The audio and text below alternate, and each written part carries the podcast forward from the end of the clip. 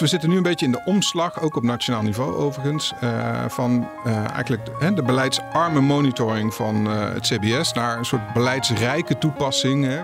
Het gaat om dat vooruitkijken. Dat is wat wij proberen toe te voegen aan het werk van het CBS.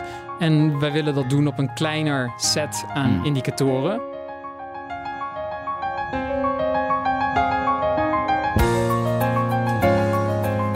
Hoe welvarend is Nederland? Krijgt de komende generatie het beter of slechter? ESB zoekt het uit in Welvaart, de brede podcast. Samen met onderzoekers, beleidsmakers en politici. Welkom bij weer een nieuwe aflevering van onze ESB-podcastserie over welvaart. Vandaag bij mij om tafel in de studio Stefan Theeuwissen, programmaleider Brede Welvaart bij het CPB. En Joks Jansen, praktijkhoogleraar Brede Welvaart in de regio aan Tilburg University. En senior adviseur onderzoeker bij Hetpon en Telos. Welkom heren. Dankjewel, leuk om hier te zijn. Ja, dankjewel. Ook leuk om hier te zijn. En niet te vergeten, mijn co-host van vandaag, Jasper Lucchese, hoofdredacteur van ESB. Ook welkom. Ja, dankjewel. Heb je een beetje zin in vandaag? Ik heb er altijd zin in. Daar werd net al over gegrapt. Uh, maar nu is wel extra zo. Want we hebben het natuurlijk de afgelopen weken in deze podcast gehad over wat is welvaart? Hoe meet je het nou? Maar ook hoe ongelooflijk ingewikkeld het is om daarop te sturen.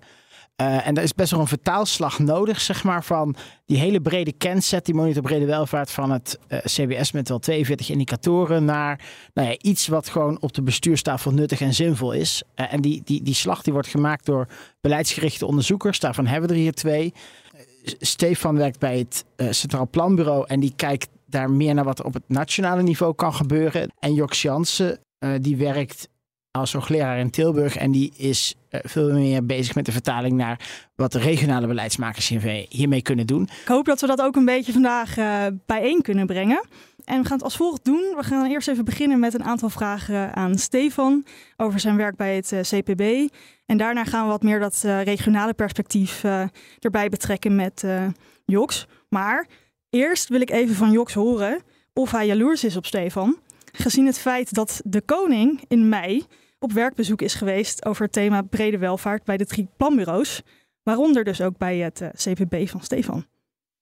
Nou, volgens mij heel mooi en uh, alleen maar leuk dat uh, de koning bij, uh, bij de planbureaus langs is gekomen. En dat geeft iets aan van de relevantie van brede welvaart. En als zelfs het Koninklijke Huis dit begrip gaat omarmen, ja. ik denk dat ik in de regio er dan ook heel blij mee ben. Ja, en Stefan, dat moet leuk geweest zijn, eh, de koning eh, op bezoek bij het CPB. Ja, het was uh, ongelooflijk bijzonder. Ik uh, was mijn hand nooit meer nu ik de koningshand heb mogen schudden. Inderdaad, ik sluit me helemaal aan bij Joks. erg mooi om zo te zien dat ook zelfs, nou, zelfs de koning hier interesse voor heeft. En dat we samen met het Sociaal Cultureel Planbureau en het Planbureau voor de Leefomgeving een mooie middag voor hem hebben kunnen organiseren. Ja, ik kan me helemaal voorstellen. Stefan, zou jij mij gewoon in eerste instantie wat meer willen vertellen over ja, hoe jullie brede welvaart eigenlijk meenemen in jullie werk bij het CPB. Zeker. Nou, ik werk inderdaad bij het Centraal Planbureau. Wat doen we daar? Nou, daar zitten een hele hoop, uh, vooral economen. ik denk wel 98% uh, of zo. Ja. Uh, en ehm, we zijn een onafhankelijk onderzoeksinstituut. Uh, en we doen eigenlijk twee grote taken, zou je kunnen zeggen. Mm Eerste is dat we analyses uitvoeren, beleidsanalyses op een bepaalde specifieke nou vraag of een beleidsdossier. En de tweede is ramingen die we maken. Dat zijn eigenlijk beleidsdoorrekeningen. En daarbij proberen we een soort van vooruitzicht te schetsen hoe de economie zich gaat ontwikkelen en wat we denken dat de impact van beleid gaat zijn op die economie. Nou, ik zei het al van oudsher, het is echt een economisch instituut. Dus we richten ons vooral op de economische kennis. En we hebben dus ook van, van oudsher toch wel een behoorlijke ja, soort van nadruk, zou je kunnen zeggen, op economische analyse. Ja. Dus een economische blik op, die uh, op, de, op, op beleid. En ook dat we ons echt richten in die ramingen op uh, doorrekening op economische variabelen. Nou, wat we met brede welvaart willen doen is op die beide terreinen echt stappen zetten naar verbreding. Met dus meer oog voor dat sociaal-ecologische, uh, voor de verdeling en voor verduurzaming. Uh, of voor, sorry, voor duurzaamheid. Hè? Dus voor die langetermijn effecten. En daarbij zoeken we ook nadrukkelijk de samenwerking op. Ik noemde het net al, met onze zusters en broeders die in hetzelfde pand zitten. Ja. Het Sociaal Cultureel Planbureau en het Planbureau voor de Leefomgeving. Daar hebben we dus verschillende projecten mee, mee lopen. Ik Ja. kan een aantal meer concrete voorbeelden Ja, geven. Ja, het- eh, want eigenlijk heb je nu vooral gezegd dat je het belangrijk vindt en dat je eraan werken. Ehm, ja, dat heb ik inderdaad al vooral gezegd. Zal ik, eh, zal ik het eens wat concreter Ja, maken? graag. Ja? nou, dat vind ik heel terecht.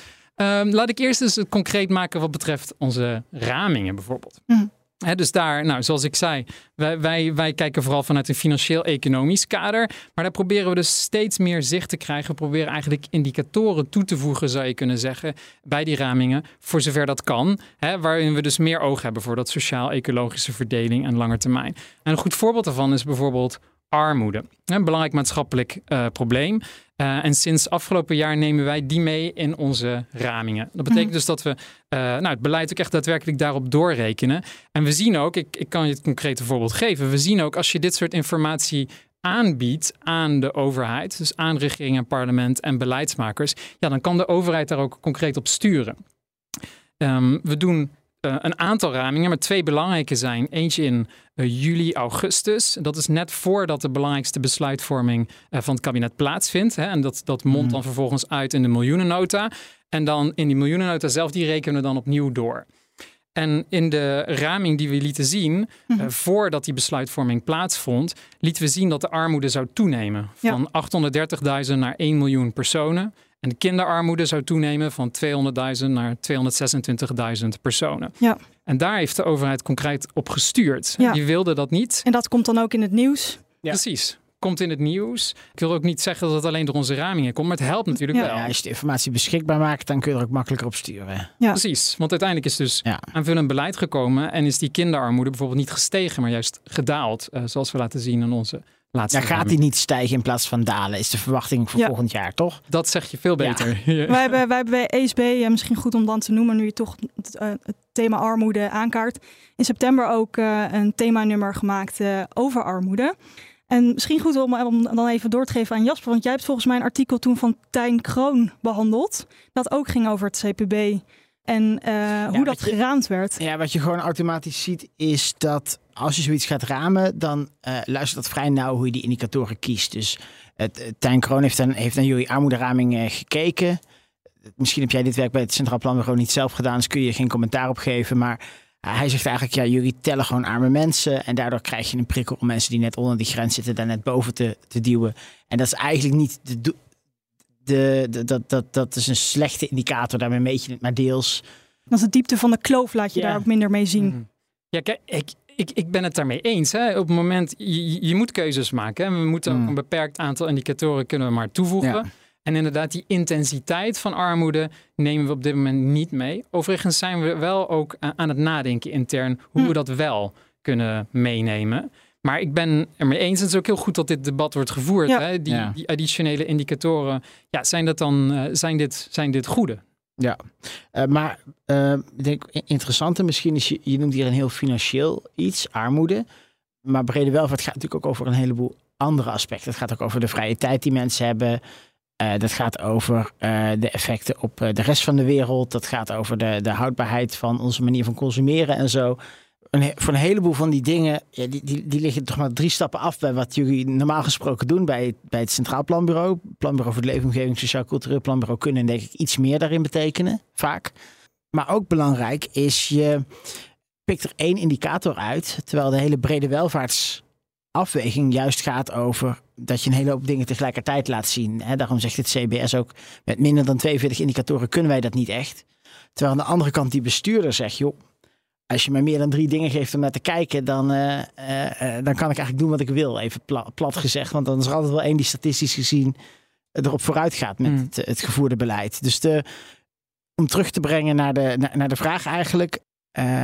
hoeveel nadruk ligt er op niet-financiële indicatoren bij jullie? Dat is vraag 1. En vraag 2 is: ehm, ja, hoe ga je nou die, die, die, die integraliteit goed laten zien? Hele goede vraag. En dat zijn ook echt zaken waar we mee worstelen. Dat is ook een nieuw perspectief. Mhm. En we werken eigenlijk meer vanuit verbreding, zou je kunnen zeggen. Dus wat kunnen we nou toevoegen in die ramingen? En het tweede stukje waar, hè, wat, waar ik nog niet over heb verteld, zijn dossiers. En daar zoeken we nou wel echt die integrale benadering. Dus daar zal ik zoiets over vertellen. Ehm, je hebt gelijk, dit is een uh, financieel-economische indicator, dus die was relatief makkelijk om toe te voegen voor ons. Dat klopt, hè? Ook al houden we in de, het bepalen van die armoedegrens, houden we rekening met zorguitgaven, uitgaven voor uh, maatschappelijke participatie bijvoorbeeld. Dus die armoedelijn is wel vanuit een soort van breder welvaartsperspectief vormgegeven. Ja. Nou, een ander voorbeeld is bijvoorbeeld um, het PBL, inderdaad, Planbureau voor de Leefomgeving. En zij uh, rekenen CO2-emissies door. Dus wat Ja. de impact van beleid is op CO2-emissies. Nou, vroeger werden die uh, CO2-emissies, en vroeger is helemaal niet lang geleden overigens, Hm. uh, die werden in oktober gepubliceerd. Nou, dat is rijkelijk nadat de financieel-economische informatie beschikbaar komt. En dat is, dus dat is heel onhandig. Nu hebben zij hun interne processen zo vormgegeven dat ook sinds dit jaar dat op hetzelfde moment beschikbaar komt. Dus nu zit dat stukje CO2-emissies zit er ook al bij. Er zitten overigens nog wat kinderziektes in, daar kunnen we ook over praten. Hè. Ramen precies hetzelfde pakket. Hè. Dus, dus ook daar is echt nog wel, zijn er echt nog wel stappen te zetten. Maar we zetten die stap. Nu zijn we ook intern, en SCP en PBL hebben zelf ook een ontwikkelingsagenda. Wat voor Mhm. type indicatoren ze kunnen toevoegen. Maar wij intern hebben dat ook. En een belangrijke vraag daarbij vind ik ook is, kun je wel bepaalde aspecten ramen? Bijvoorbeeld, we hebben een publicatie uitgebracht over innovatie. En dat is ook een belangrijk aspect van wat we nalaten aan toekomstige generaties.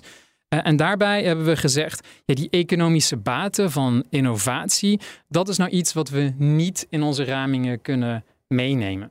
Het is Hmm. zo ongelooflijk moeilijk om te ramen wat de nieuwe uh, uitvinding gaat Dat zijn. er nog gewoon te veel onzekerheid mee omgeven is, zeg maar. Precies. Ja. Er is heel veel onzekerheid daar. En we weten ook nog niet zoveel over de impact van Ja. beleid. He, want dat is in feite hoe wij als CPB ons verhouden tot uh, de monitor brede welvaart van het CBS.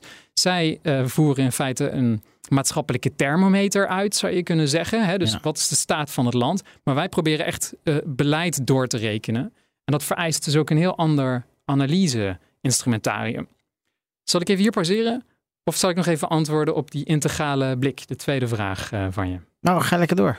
Jo, Nou, ga ik lekker door. Ja. Want inderdaad, het stukje ramingen, ja, dat, dat brengt ons maar so far, zou je kunnen zeggen. Hè? Daar zitten echt grenzen aan en die grenzen moeten we onderzoeken.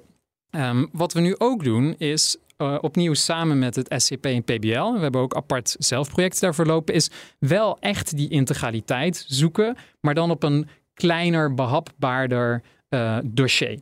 Want je moet je voorstellen, die begroting, dat zijn honderden maatregelen die je moet doorrekenen. Maar we zijn dus ook aan het kijken naar een kleiner dossier. En een mooi voorbeeld daarvan is, en dat is een project wat nu loopt samen met SCP en PBL. Mm-hmm. We kijken naar het Nationaal Isolatieprogramma vanuit die brede lens. En daar wat is we dus dat echt... even voor de duidelijkheid? Ja, het Nationaal Isolatieprogramma, dat is een beleidsstuk van de demissionaire regering. Hmm. Met als doelstelling om 2,5 miljoen huizen te isoleren tot en met 2030. Oh, oké. Okay. Ja, huis isoleren. Oké. Okay. Precies. Ja. En daar is ook ongeveer 4 miljard, meen ik, is, uh, is daarvoor beschikking gesteld.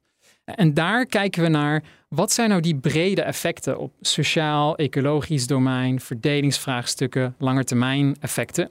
Want dit beleid is ja, in beginsel echt ingestoken vanuit beter isoleren, dus minder gasverbruik, dus minder CO2-emissies. Ja. Maar wij willen hier ook een bredere lens uh, op schijnen. En, en, zo vinden we bijvoorbeeld ook, hè, dit project loopt nog, dus het zijn nou, een, aantal, een aantal soort van uh, voorlopige conclusies. We vinden bijvoorbeeld dat nou, beter isoleren heeft ook positieve effecten op gezondheid. Bijvoorbeeld hè. een minder tochtig huis, dus minder kans op astma, meen ik. Nou, uh, dat moeten de onderzoekers, die moeten nog even precies zeggen. Uh, maar je kunt ook bijvoorbeeld denken aan ecologische uh, effecten hè, op je vleermuizenpopulatie, omdat, je, omdat je je woningen beter dichtkit.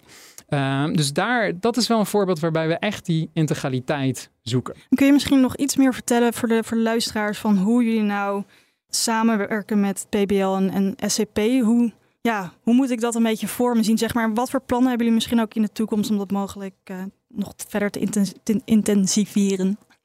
Ja, um, nou, ik ben echt heel erg blij. Ik heb ook jullie eerdere podcasts geluisterd. En volgens mij iedereen, heel goed inderdaad. Ik raad het iedereen aan.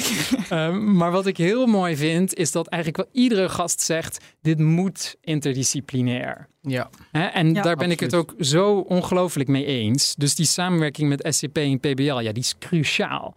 En dat is soms ook wel lastig. Hè? Dan moet je in één keer met enge niet-economen gaan werken. Nou, dus dat vereist ook wel een nieuwe taal. Volgens mij werd dat ook Ik, ik weet even niet of Joks wel econoom is. Ik ben een doodgewone planoloog. Uh, dus ik kom helemaal niet uit de economische wetenschap. Dus voel me hier ook nog een beetje vreemde gast aan, uh, aan tafel. Maar ik, ik, ik kan me verhouden tot, uh, tot ook niet-planologen, zijn de econoom. Ja. Nou, heel mooi. Ik vind, het, uh, ik vind het in één keer een stuk enger hier in de studio. Nee. nou, ik ben ook oorspronkelijk trouwens ook bestuurskundige en vervolgens in de economie gepromoveerd. Dus uh, ik ben het voor de helft. Maar in ieder geval, die, die interdisciplinariteit zoeken, die is echt cruciaal. Ja. En ja, zoveel meer bindt ons ook. Mm. Hè? Ik bedoel, we hebben allemaal geloof in beleid. Ja. Um, Oké, okay, ik, ik wil toch even terugkomen op die dossiers. Je zegt, we gaan op een set beleidsmaatregelen of één beleidsmaatregel op één bepaald dossier, ga je verschillende aspecten belichten. Uh, dat is eigenlijk ook wat een maatschappelijke kostenbaatanalyse doet. In essentie, hè? dan zeg je gewoon, we hebben het nationaal isolatieprogramma, dat doet dit, dit en dit. Beleidsalternatief is niks doen bijvoorbeeld. Of het beleidsalternatief is dit programma met dubbel zoveel geld uitvoeren. Of het programma net anders uitvoeren. En dan kijk je op een aantal aspecten wat daar de gevolgen van zijn. En daar is een hele duidelijke uh, uh, systematiek voor. In hoeverre is dit brede welvaartsdenken, als je dat op, een, op dossierniveau doet, nou anders dan, een, dan het goed uitvoeren van een MKBA? Ik dacht juist dat de toegevoegde waarde van een brede welvaartsdenken, dat je dat op het niveau van de maatschappij als geheel zou kunnen doen. Mooie vraag. Ook een vraag nog waar wij ook nog niet helemaal over uit zijn. Het klopt wat jij zegt. Hè? Een maatschappelijke kostenbaatanalyse, dat is uh, ook eentje waar je dus die bredere uh, kosten en baten in kaart probeert ja. te krijgen van een. En dat gaat echt over een individuele interventie, om het zo maar eens te zeggen. Dus bijvoorbeeld een verhoging van een dijk of het aanleggen van een weg. Um, en we hebben ook samen met het Planbureau voor de Leefomgeving, overigens, zijn wij de hoeder van de methodiek. Dus we, ja. we, we, we kijken die methodiek. Ja, en we hebben hier ook afgelopen jaar een publicatie uitgebracht. Hoe we nou MKBA zien vanuit brede welvaart. En wat wij zeggen wel in zo'n MKBA is dat daar uh, die systematiek, die is inderdaad heel rigide. En dat is in beginsel heel mooi. Maar er is bijvoorbeeld weinig oog voor verdelingsaspecten. En er is ook weinig oog voor, of soms, er is een gevaar door alles. Uh, want eigenlijk in zo'n MKBA, wat je probeert te doen, is alles in geld uit te drukken. Dus alle effecten in geld. Dus ook nou, uh, kans op een ongeluk, uh, geluidsoverlast, dat soort type variabelen in geld uitdrukken en vervolgens op te tellen. Maar daarmee is dus een risico dat je lastig op te tellen factoren, zoals biodiversiteit en klimaat, niet goed meeweegt. En dus dat proberen we wel uh, ook, ja, zo proberen we dus ook die methodiek te verbeteren. Als je nu kijkt naar dat niveau van dat beleidsdossier waar ik het net over heb, ja, dan zit je eigenlijk ook al niet meer op het niveau van een, een, een tussen Hmm. aanhalingstekens kleine interventie. Voor dat Nationaal Isolatieprogramma, ja, daar zit, zijn al zoveel onzekerheden en zoveel effecten, dat je al veel minder alles in geld kunt uitdrukken. En dat je dus Ah, ja. echt al ja, naar die brede welvaart moet. Nu had ik eh, afgelopen weekend op de sociale media een, een korte vraag nog van een Kamerlid, Joost, Snel, Joost Snelle van D66. En hij vroeg eigenlijk aan mij, hoe kijken jullie nou aan tegen de ontwikkeling van een kernset door het Centraal Planbureau en door de planbureaus? Ehm, dit heb ik jou nog niet echt horen noemen, dit begrip. Dit is een brief uit 2021 waarin jullie dit hebben aangekondigd. Speelt dit nog steeds? Ja, ehm, ik heb net uitgelegd dat we die twee sporen hebben. Hè? Dus we willen, het we willen onze ramingen verbreden. En dat is dus het soort van van smal naar steeds breder. En ten tweede willen we die integraliteit zoeken op die dossiers. En die indicatoren, dat, dat kernset zou je kunnen zeggen. Ik geef toe dat we dat woord wat minder inmiddels gebruiken. Maar dat is dat soort van toevoegen van die type indicatoren aan onze ramingen.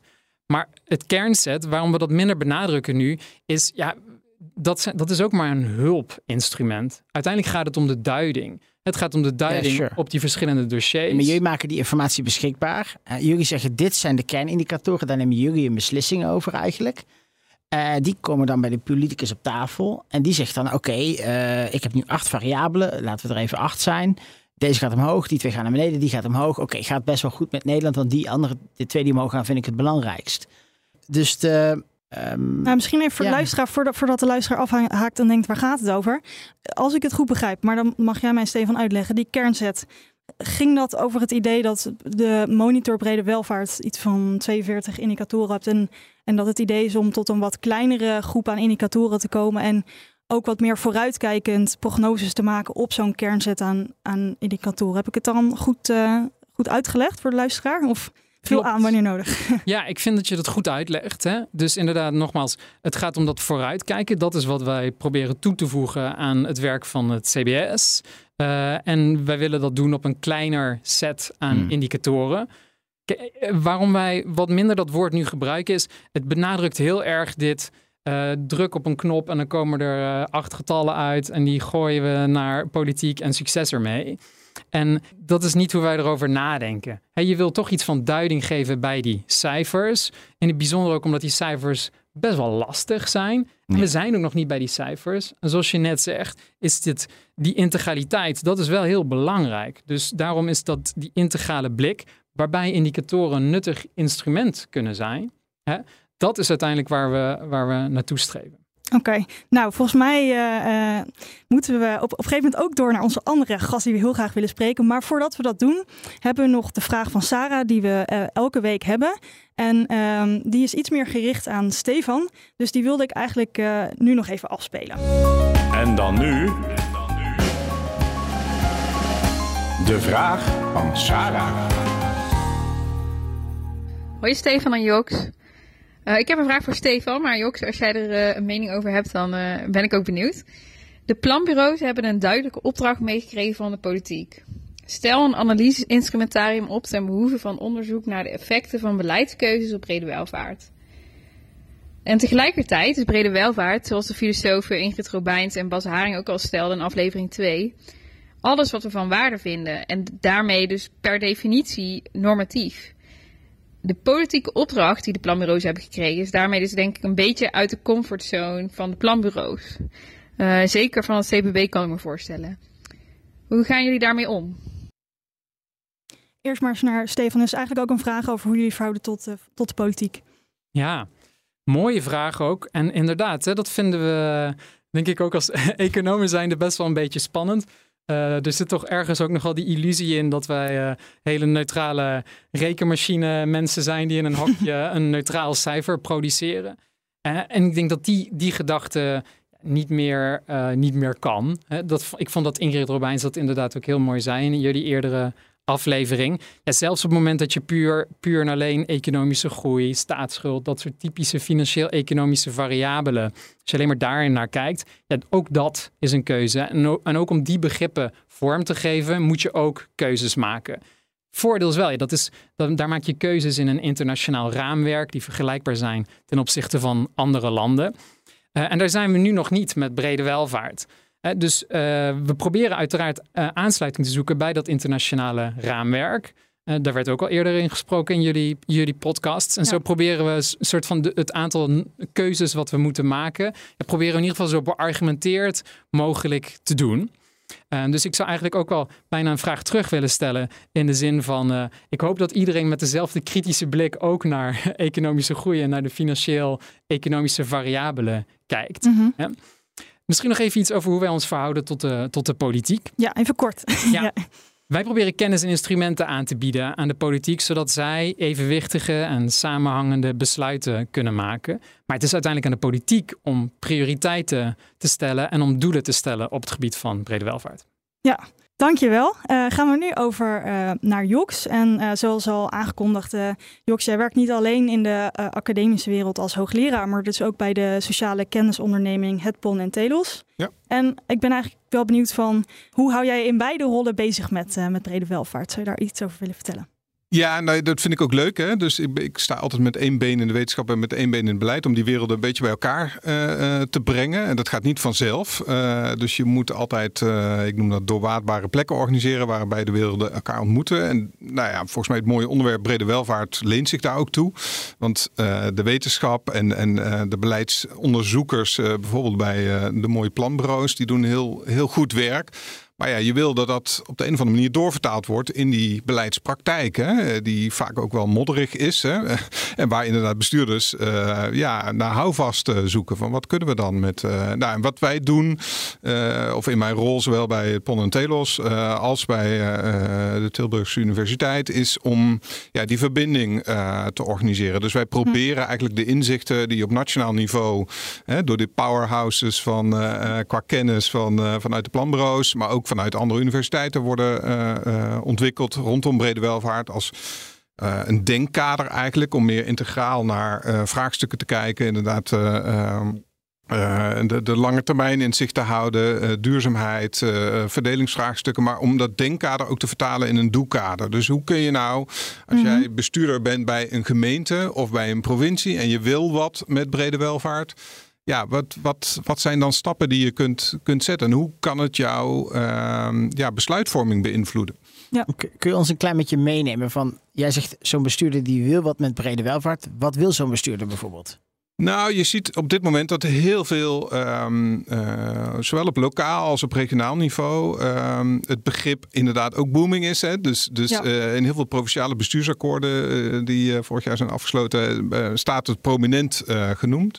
Dus je ziet dat, um, ja, dat men ook wel beseft dat uh, als je kijkt naar uh, sociale houdbaarheid van maatregelen, de, de kloof tussen kansarm en kansrijk, maar ook als je kijkt naar nou ja, de, de, de ecologische en energietransitie waar we uh, doorheen moeten, dat dat ja, vraagt om een, om een andere benadering mm -hmm. van, van, van economisch beleid, maar ook van ruimtelijk beleid. En en in de regio, dat is het interessante, daar komen al die grote opgaven samen. In ja. de regio moet, uh, moet ook die mhm. integratieslag geslagen worden. Hè? Dus uh, uh, daar is de ruimte ook beperkt. En daar komt ook de energietransitie samen met de landbouwtransitie.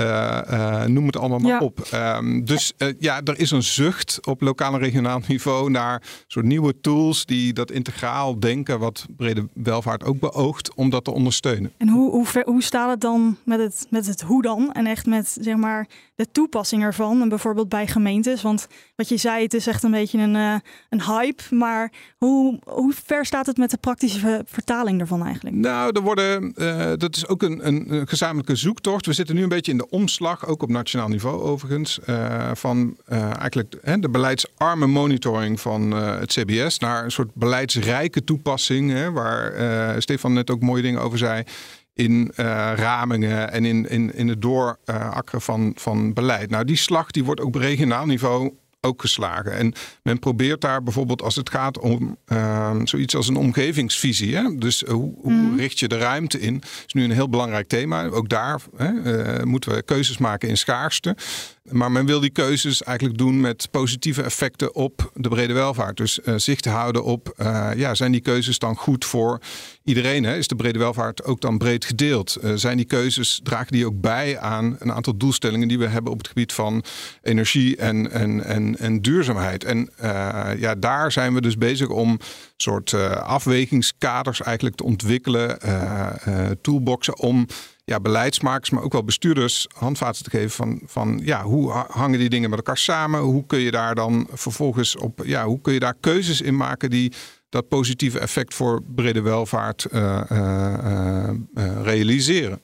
Wat is dan een tool wat helpt daarbij? Want die, die, die, tools ontwikkel jij toch en adviseer je over? Ja, ja, ja, ja. dus we zijn daar nu, uh, we zijn daar nu mee bezig. En uh, ja, wat helpt is bijvoorbeeld, um, waar jullie het net nog niet over hadden, maar wat ik denk ik een heel belangrijk middel vind om de slag eigenlijk van, dat noem ik wel van theorie naar praktijk, van de ambitie naar actie te maken, is, ja. is, is uh, normeren.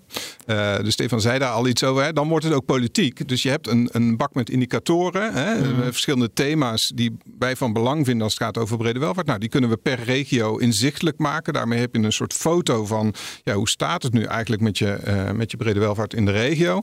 Volgens kun je op basis daarvan een heel goed gesprek houden over uh, met politici, met bestuurders, met maatschappelijke organisaties. Oh, wat zegt dat nu?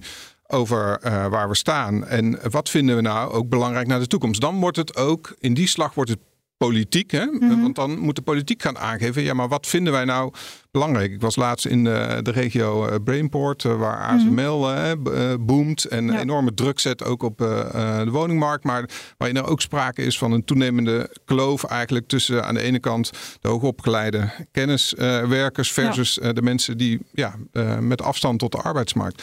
En men voelt daar de cijfers ook van het CBS laten gewoon zien dat die, ja, dat die kloof aan het toenemen is. Dus, dus dan heb je een gesprek over ja, hoe ga je dat vervolgens, als je dat belangrijk vindt, hoe, ga je, hoe kun je dat uh, uh, dichten? En dan moet je jezelf als politiek, en daar wordt het spannend, ook normen stellen van wat vinden wij, of doelen stellen en daaraan normen koppelen, mm-hmm. uh, die, die wij als onderzoekers eigenlijk kunnen, kunnen gaan monitoren. Hè? Van, van, en ook beleidsinterventies voorstellen, dus een beleidstheorie ontwikkelen van ja, ik wil bijdragen aan het dichten van die kloof. Welke maatregelen zou ik dan uh, mezelf kunnen voornemen om, om dat te doen. En werkt dat dan ook? Uh, uh, en dan hebben wij bijvoorbeeld een, een brede welvaartsscan ontwikkeld, waarmee beleidsmakers eigenlijk een soort hulpmiddel om ja, via een aantal stappen eigenlijk dat, ja, dat inzichtelijk te maken. Maar is dat een, een scan over hoe sorry, dat... Hoor, ik snap er nog steeds helemaal niks van. Oh. Ja, sorry, snap jij het wel? vraag. Nou ja, ik ben, ik ben wel benieuwd van hoe ziet zo'n scan eruit? Wat, wat, Ja, wat, want wat ik- laat je dan ja, zien op zo'n dat, scan? dat snap ik inderdaad helemaal niet. Nou, bijvoorbeeld, je hebt de, de, de, de, eh, de scan is eigenlijk heel eenvoudig. Ehm, we hebben de verschillende dimensies van, van brede welvaart die ook het, het CBS heeft eh, eh, geïnventariseerd. Die ehm, gaan over gezondheid, over eh, kwaliteit van leven, welbevinden, eh, eh, sociale contacten, noem het allemaal maar op. Die hebben we eigenlijk, eh, die kunnen wij, eh, la- laten we eigenlijk zien op een ehm, eh, heel praktisch eigenlijk op een, een, een heel groot doek eigenlijk een groot wiel eh, waarop je eh, vervolgens je beleidsinterventies als het ware eh, kunt neerleggen van ik wil bijvoorbeeld via arbeidsmarktmaatregelen die kloof tussen kansarm en kansrijk vergroten en dan ehm, hebben we een soort ja, tool ont- ontwikkeld om beleidsmakers te helpen om die eigenlijk die, die maatregel of die, die, die interventie om daarvan de, de, de, de impact op die verschillende dimensies van brede welvaart te doordenken. Op het regionale niveau. Op het regionale niveau. Dus dan krijg je eh, van eh, ja, eigenlijk een beetje analoog aan wat Stefan vertelde rondom dat dossier van die nationale isolatie. Hè. Dat Ja. is dan één casus, één interventie. Maar je probeert dan eigenlijk die bredere blik van brede welvaart ook ja, eh, hanteerbaar te maken voor, eh, voor beleidsmakers. Zodat ze niet alleen maar kijken naar ehm, nou ja, wat zijn de financieel-economische effecten. Nee, wat zouden de veronderstelde effecten zijn Ehm, en daar stel je een beleidstheorie voor op. Op, eh, ik noem maar, maar wat, eh, de gezondheid. Eh, Ja. Wat zouden veronderstelde effecten kunnen zijn op het sociale, de sociale dimensie? En dat breng je dan in kaart. En daarmee krijg je aan de voorkant van beleid, eigenlijk voordat je dat beleid afkondigt, dwing je eigenlijk beleidsmakers om veel breder te kijken. En komen ze ook, eh, dan dwing je ze eigenlijk om uit hun eigen beleidskoker te stappen Mhm. en in gesprek te gaan. Eigenlijk met, nou ja, eh, met eh, misschien de beleidsmedewerker die gaat over arbeidsmarkt, met de beleidsmedewerker die gaat over duurzaamheid, of de beleidsmedewerker die gaat over ander beleidsveld. Je kijkt dan eigenlijk wat, wat dieper onder de motorkap van Nederland, hè? ook op het regionale niveau. En ehm, ik vroeg me af, wat, wat kom je nou dan tegen als je op dat regionale niveau kijkt? Wat, wat kom je nou meer tegen dan als je alleen bijvoorbeeld met een landelijk perspectief kijkt? Waar Nou schort het aan? Waar gaat het goed? Dat Ja. Eh, ik denk sowieso dat het heel goed is dat, ehm, om nog eens een keer te benadrukken, dat brede welvaart natuurlijk, nationaal kun je daar van alles aan doen, via inkomenspolitiek, via hè, duurzaamheidsbeleid.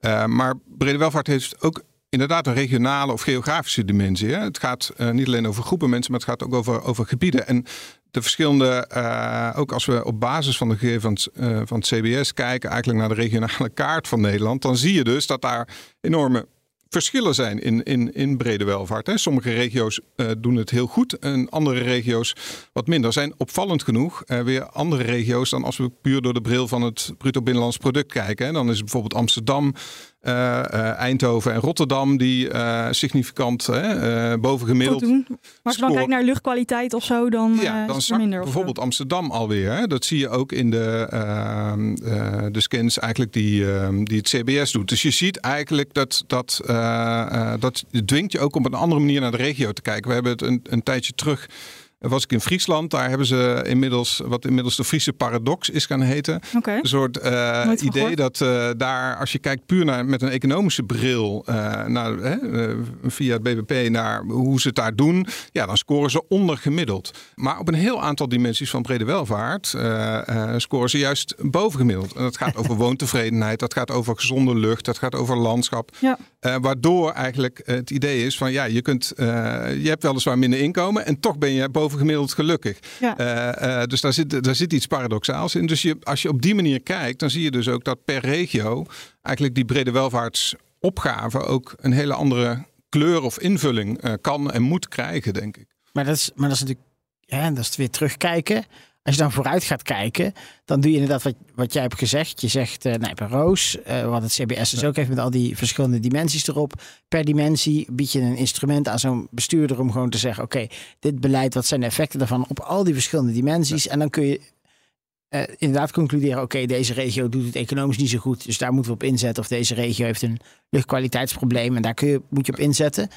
Waar ik eigenlijk even terug naar wilde, was helemaal aan het begin. Toen zei je, ja, het wordt spannend als het om normeren gaat. Ja. Eh, en je noemde ook de Brainport Eindhoven. Zou je dat concreet kunnen maken? Want heb je daar een casus langs gehad met iets van normeren daar? Nou ja, dat gaat bijvoorbeeld. eh, de normeren is überhaupt, denk ik, vindt de politie ingewikkeld. Want het gaat Ja, dat is gewoon verbieden, toch? Ja, nou ja, zeggen, dat dit, is, dit moet.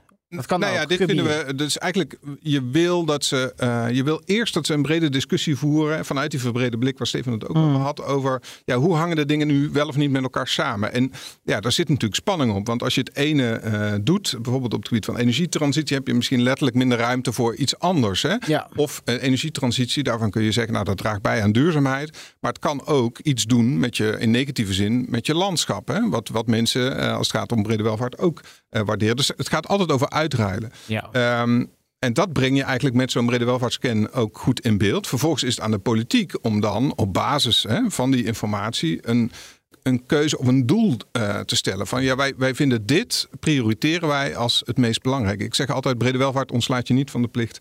Het is breed kijken, maar scherp kiezen. Dus je zult eh, vervolgens ook doelen moeten stellen op, waar, op basis waarvan je vervolgens kunt zeggen van ja, deze interventies gaan we dan doen om Ja. dat doelbereik te realiseren.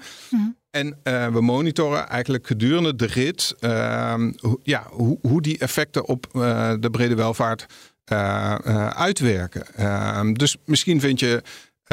Vindt, vinden ze in één regio, bijvoorbeeld in Brainport, vinden ze nu dat verdelingsvraagstuk tussen kansarm en kansrijk, vinden ze eigenlijk het prioritaire vraagstuk in het licht van de analyse die zij zelf hebben gemaakt. Terwijl het misschien in een andere regio het duurzaamheidsvraagstuk is, eh, waarbij een, ja, de regio daar eigenlijk prioriteit legt. Dat be- betekent dus dat je op een andere manier eigenlijk dan dat beleid ook in de tijd gaat, eh, gaat volgen. En de, ja, ik denk dat dat, ja, op, op een beetje dat kantelpunt staan we. Dat, dat, eh, ja, dat politici eh, zich, zich niet moeten verschuilen achter zo van ja, maar ik kan eh, in brede welvaart op acht dimensies en dan kan ik een beetje zo eh, lekker shoppen als het mij uitkomt. Nee, volgens mij dwingt het je juist om integraal te kijken, naar afruilen te kijken en vervolgens keuzes eh, te, Ja. te maken.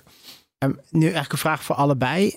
Je hebt een beleidsmaatregel, of dat nou dat nationaal isolatieakkoord is, of dat nou eh, bijvoorbeeld eh, de beslissing is van een aantal gemeentes om geen distributiehallen meer toe te staan, omdat dat te veel ruimte inneemt. Dat is denk ik een acuut regionaal vraagstuk in Ja. sommige gemeentes. Eh, dan, heb je, dan, dan ne- neem je dat, die maatregel omdat je daarvan een bepaald effect verwacht. Hoe kun je daar nou een, een tijd later, een paar jaar later naar kijken en zeggen die maatregel was effectief? Stefan? Inderdaad, idealiter zou je ook nog steeds iets van een eh, evaluatie willen uitvoeren. Misschien is dat ook wel eens meer in het algemeen een blinde vlek. Bijvoorbeeld die maatschappelijke kosten-batenanalyses waar je het eerder Mhm. over had. Dat is echt een instrument om vooruit te kijken. Nee, je kunt hem ex post doen, hè? Je kunt hem ex post doen, dus, eh, dus dat is iets wat... eh, Expost achteraf. Ja, ja, ja, ja, ja. Ja, dus dat is na de interventie om te kijken of je, nou, of dat, of dat, of, of, of inderdaad die, die, die voorgestelde effecten, of die daadwerkelijk zijn, eh, zijn gerealiseerd. Nou, ik denk dat dat wel ook een, een punt is, hè? Waar we, waar we nog niet direct al te veel over hebben, nog niet direct projecten voor hebben. Maar daarentegen, we, we, we doen allerlei evaluaties, ook bij eh, CPB. Ja.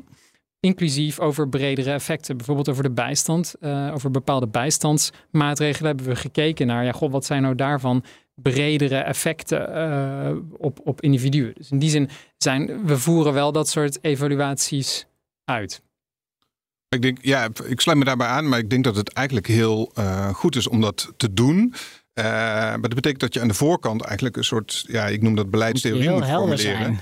Uh, om te weten van ja, wat voor effecten beoog ik? Want dan kun je ze aan de achterkant ook uh, inzichtelijk maken en, en, en meten. En, en dat, dat is een beetje het verschil tussen beleidsarm monitor en beleidsrijk monitor. Want dan ga je naar beleidsrijk, ga je impact monitor van wat doet dat veronderstelde, ja. dat beleid wat je hebt ingezet voor die uh, specifieke regio. En het voorbeeld wat je aangaf, uh, uh, Jasper, is, is natuurlijk een hele relevante in de regio. In de regio waar ik woon en werk, is dat bijvoorbeeld rondom die logistiek een hele, een hele interessante. Van wat als je nu inzet op andere soorten logistiek of andere vormen van, van economie met verondersteld minder schadelijke effecten sociaal en, en ecologisch. Wat doet dat dan bijvoorbeeld met je, uh, met je economische uh, uh, groeivermogen? Hè? Dus daar willen bestuurders dan zicht op krijgen. Want dan weten ze van ja, als ik dat pad insla, wat levert me dat dan op? Ja, maar als het goed is, jij zit bij ze dan aan tafel. Je hebt die mooie roos, je hebt die maatregelen die, die je voorstelt. Met telkens een beetje andere veranderingen aan die roos. Dan komt daar een besluit uit. En meestal als politici ook een besluit nemen, leggen ze het ook uit. Dat het moet ook vast meestal door een, uh, nou, nationaal door een parlement, maar lokaal door een gemeenteraad of door een provinciale staten. Dus dan komen daar ook gewoon uit waarom ze dat doen. En dan zou je dat natuurlijk ook achteraf kunnen monitoren. Ja, ja, dus en, zeker als je dat, dat... Kan, maar dat kan alleen als je vooraf die brede welvaart inzichtelijk en die effecten inzichtelijk maakt. Ja, ja, nee, dus dat, dat je, het, dwingt je om vooraf dat te doen om het achteraf te kunnen, te kunnen meten. Zover zijn we denk ik in de praktijk nog niet. Maar je ziet wel dat een aantal gemeentes en ook wel provincies het nu ook uh, zeg maar een, een, onderdeel willen laten zijn, die uh, monitoring van de beleidscyclus. Um, en, hun, uh, en hun beleid dus langs die meetlat willen leggen. En ja, dan wordt het interessant en spannend. Ja, we gaan, we gaan een beetje afronden, maar um, ik heb nog, nog wel één vraagje voor jullie beiden. Vind ik wel leuk om te stellen. Um, een beetje gehad over het meer landelijke perspectief, het Rijk en de regio. Hoe denken jullie dat, dat die ook misschien beter met elkaar nog kunnen samenwerken als het gaat om, om brede welvaart? Wat valt daar nog te winnen, Stefan? Ja, ik denk dat er heel veel uh, te winnen valt in de, in, de, um, in de samenwerking tussen Rijk en, uh, en, en regio. Um, daarvoor hebben wij een tijdje terug ook het initiatief genomen om een nationaal netwerk brede welvaart op te zetten. Mm -hmm. uh, want wij merkten dat er in de regio in verschillende, daar heb je een aantal regionale planbureaus, zoals het Ponnentelos en het Fries Planbureau. hele kleine versies van, van wat zich in Den Haag aan planbureaus afspeelt. En daar zitten mensen die wat dichter op die beleidspraktijk, op die lokale regionale beleidspraktijk zitten. En die kijken natuurlijk naar wat uh, het CPB en, uh, en anderen doen. En uh, de inzichten die zij leveren, die proberen wij dan te, te, vertalen. Maar ja, wij kwamen erachter dat het nu heel erg op eilandjes gebeurt. Dus we hebben gezegd, we willen dat meer met elkaar verbinden, zodat we ook van elkaar leren dat wat er in Friesland gebeurt en hoe ze daar eigenlijk tools en handvatten ontwikkelen voor implementatie van brede welvaart, dat wij daarvan, dat, nou ja, dat we dat van elkaar kunnen leren. En beter goed gejat dan slecht ontworpen. Hè? Dus uh, als een ander het al doet, waarom, waarom zou je het dan opnieuw moeten doen? En uh, in het nationaal netwerk zoeken we ook wel de verbinding met de nationale planbureaus, zoals het eh, CPB. Om ja, eigenlijk de, daar zit een beetje de cutting edge knowledge als het gaat om de conceptualisering eigenlijk van, van brede welvaart, het hele monitoringsinstrumentarium. Um, ja, en, en, en ook daar proberen we eigenlijk ja, af te tappen van wat, wat zij doen. Uh, daar zit gewoon veel meer know-how die wij uh, heel fijn kunnen benutten en kunnen inzetten voor onze beleidspraktijk. Ja, Stefan, laatste woorden hierover nog. Ja, nou, ik sluit me helemaal aan bij, bij JOX. We hebben het eerder gehad over MKBA. Dat is natuurlijk ook echt een regionaal instrument. Dat is ook een instrument wat wij, uh, nou ja, waar wij ook die methodiek verblijvend willen verblijven ontwikkelen. En we hebben ook projecten lopen bijvoorbeeld over integrale gebiedsontwikkeling binnen het CPB, waar we met een bredere welvaartslens uh, naar, naar, naar kijken. Dus ook voor ons is die dimensie ja, toch best wel belangrijk. Um, we zijn iets minder direct in contact met lokale bestuurders. Maar wat we bijvoorbeeld wel doen, uh, is ook doseren over brede welvaart bij de Rijksacademie. Daar kunnen mm -hmm. bijvoorbeeld ook uh, lokale ambtenaren ook aan, aan, aan, aan participeren. Ja, voor de rest uh, nou, hebben we toch ook wel met een redelijke regelmaat contact. Dus Ja. eh, Nou, goed om we we, te moeten we het gezamenlijk Ja. ontwikkelen. Ja. Eh, dus. Wij hebben binnenkort eh, in een eh, nieuwe aflevering eh, gaan wij ook nog verder doorpraten over, over de regio. Dat zal eh, Joks eh, aanspreken. En dan hebben we te gast eh, Jantine Kriens en Casper van den Berg. Oh, heel goed. Ja. Ehm, ja, misschien is dit nog even de gelegenheid. eh, Joks, heb jij nog iets eh, waar we over door moeten praten met, eh, met die gasten? Of iets eh, wat je ze wil vragen nog?